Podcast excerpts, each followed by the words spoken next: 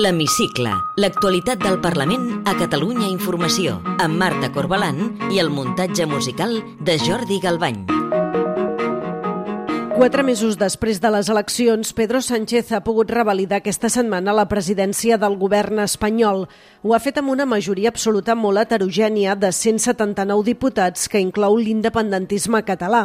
Un dels primers reptes serà la tramitació parlamentària de la llei d'amnistia. Avui, al programa L'Hemicicle, volem saber el punt de vista dels jutges i els magistrats sobre aquesta qüestió.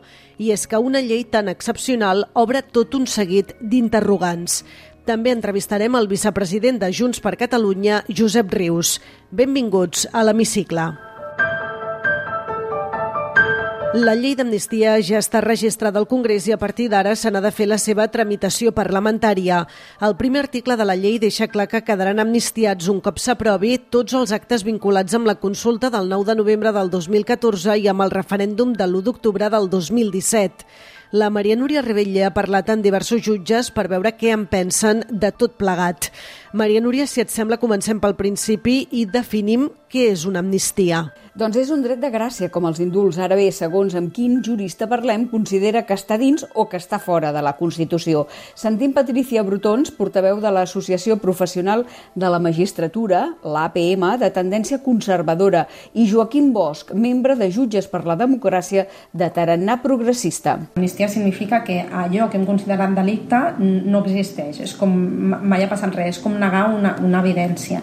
Això potser té sentit, com per exemple, quan van passar del règim dictatorial no, al règim democràtic, que, que gràcies a Déu fa molts anys que, que l'estem gaudint. Promulga un canvi de règim, però mm, ara la finalitat d'aquesta llei de l'amnistia és un pacte per la investidura i això no té cap sentit és una llei inclusiva, és a dir, pretén incloure eh, a, a tots els afectats, des de membres de les forces de seguretat, dirigents independentistes, ciutadans que participen en protestes, funcionaris públics, i penso que això li dona un caràcter no arbitrari. I, d'altra banda, en el sentit de que no ha estat extensiva per a no incloure elements fora del procés, com per exemple procediments per corrupció que sí que podien haver donat un element arbitrari a la llei i penso que això en conjunt pot facilitar que sigui convalidada pel Tribunal Constitucional.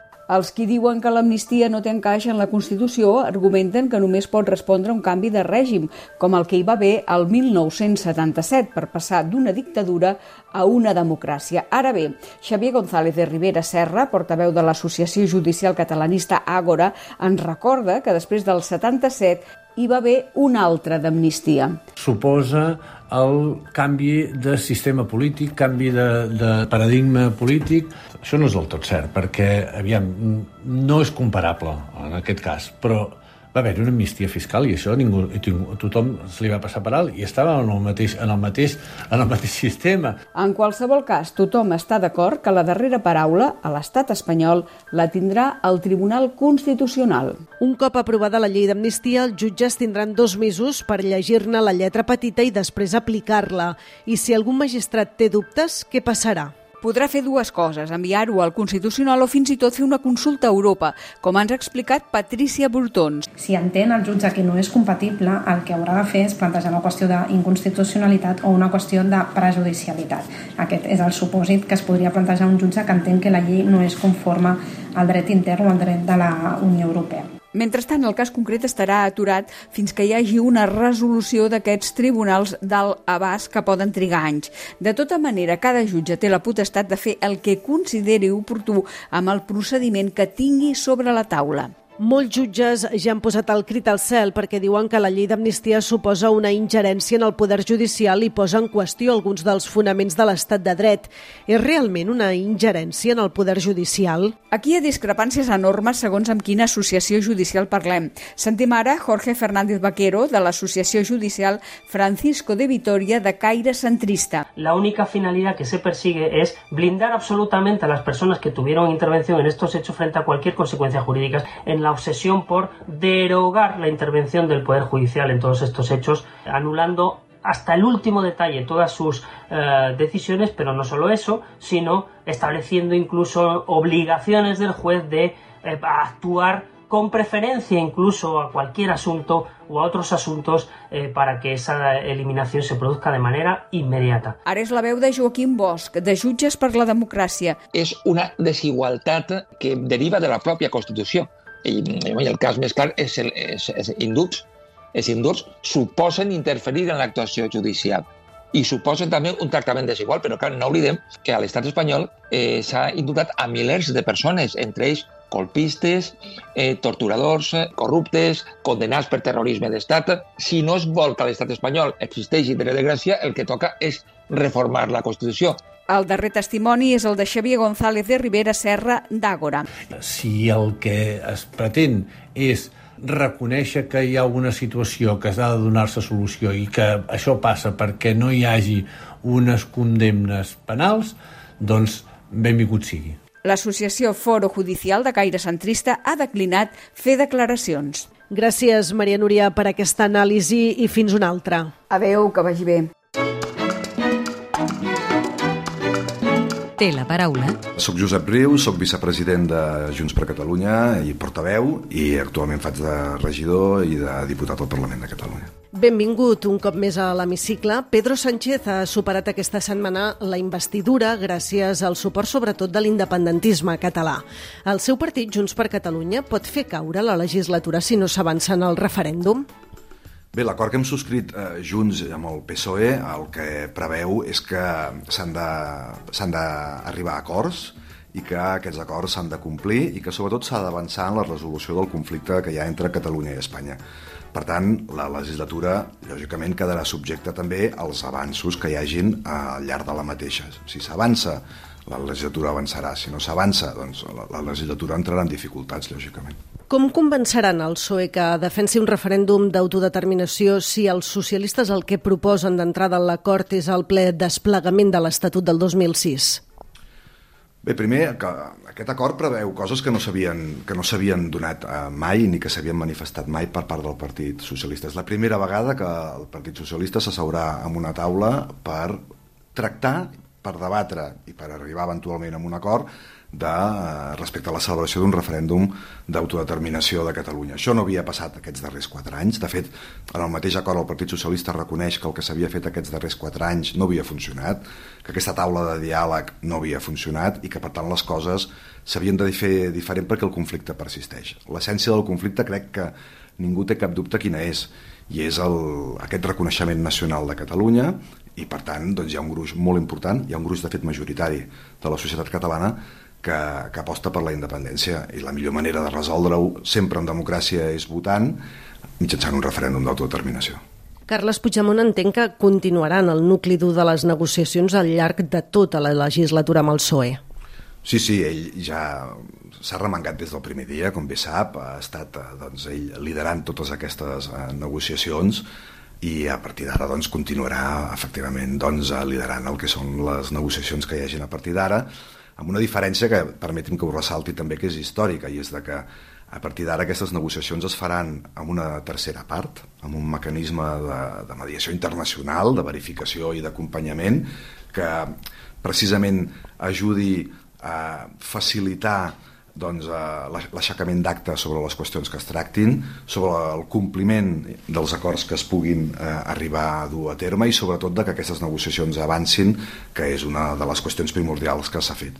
Vull posar molt en valor que aquest mecanisme sigui internacional, eh, aquests darrers anys el senyor Pedro Sánchez havia anat pel món d'alguna manera fent un discurs de que blanquejant la seva acció eh, que, que s'havia de girar, s'havia girat full ja d'alguna manera, que el conflicte ja s'havia apaivagat i res més lluny. L'acord que hem subscrit entre Junts i el PSOE el que manifesta clarament és que aquest conflicte persisteix, que segueix ben, ben vigent i que s'ha de buscar una solució política i sortir d'aquesta via, via judicial i d'aquí la llei d'amnistia.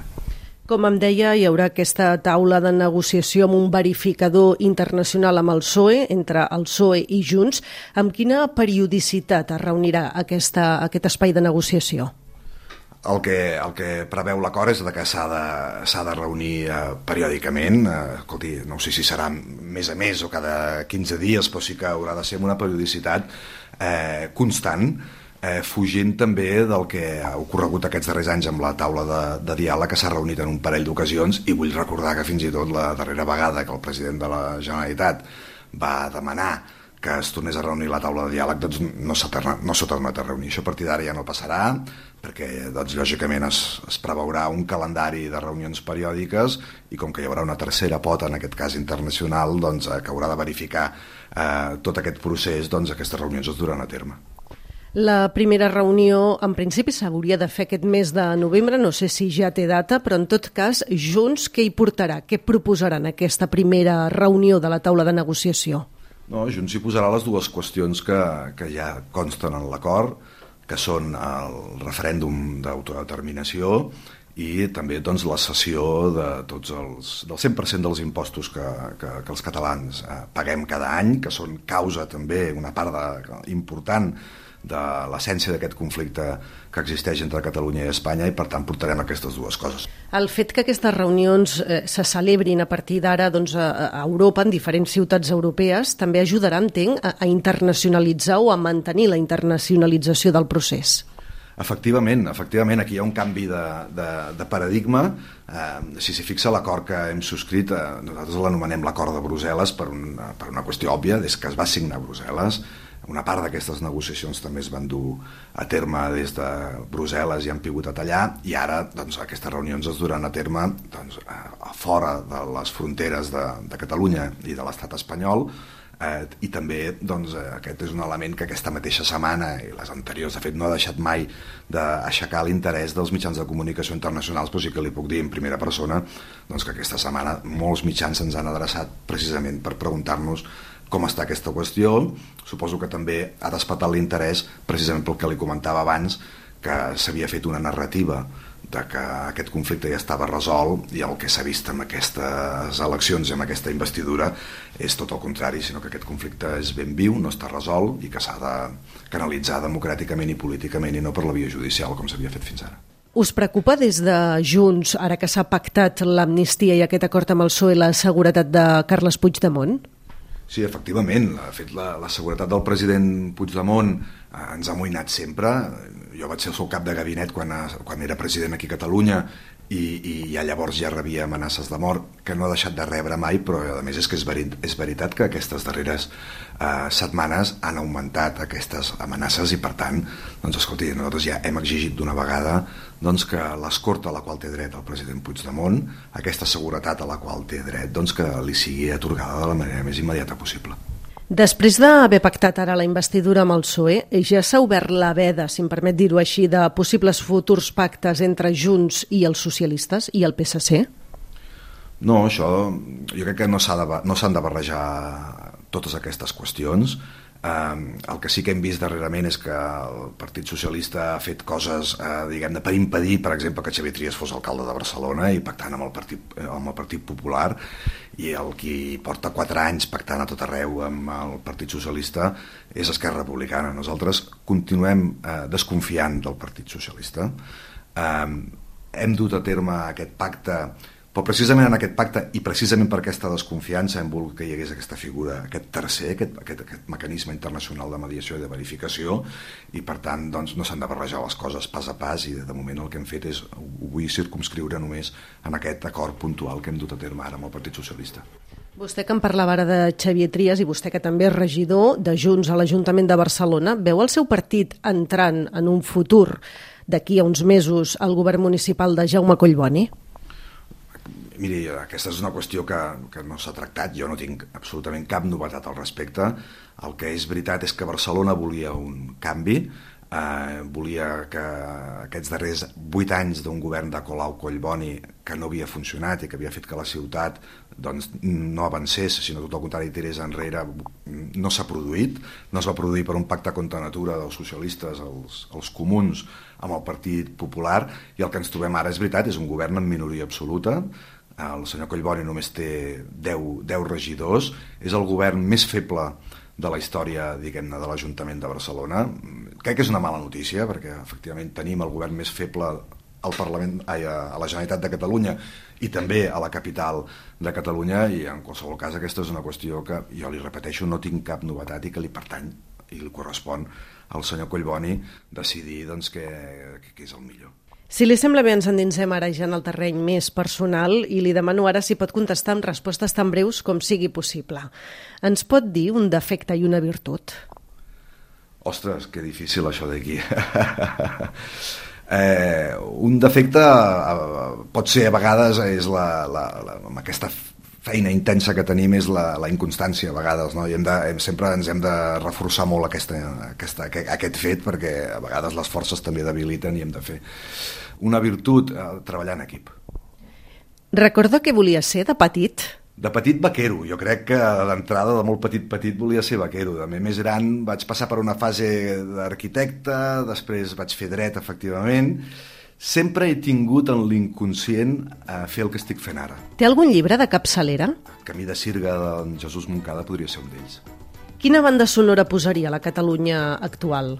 Sobretot sortida la que estàvem aquests darrers anys, que era l'helicòpter de la Guàrdia Civil eh, voleiant el, el, la seu del govern de Catalunya permanentment. I ja per acabar, completi la frase següent. El que més m'agradaria del món és... Veure una Catalunya independent. Josep Rius, vicepresident de Junts per Catalunya i portaveu adjunt del grup al Parlament, gràcies per atendre'ns a l'hemicicle de Catalunya Informació. Moltíssimes gràcies a vosaltres.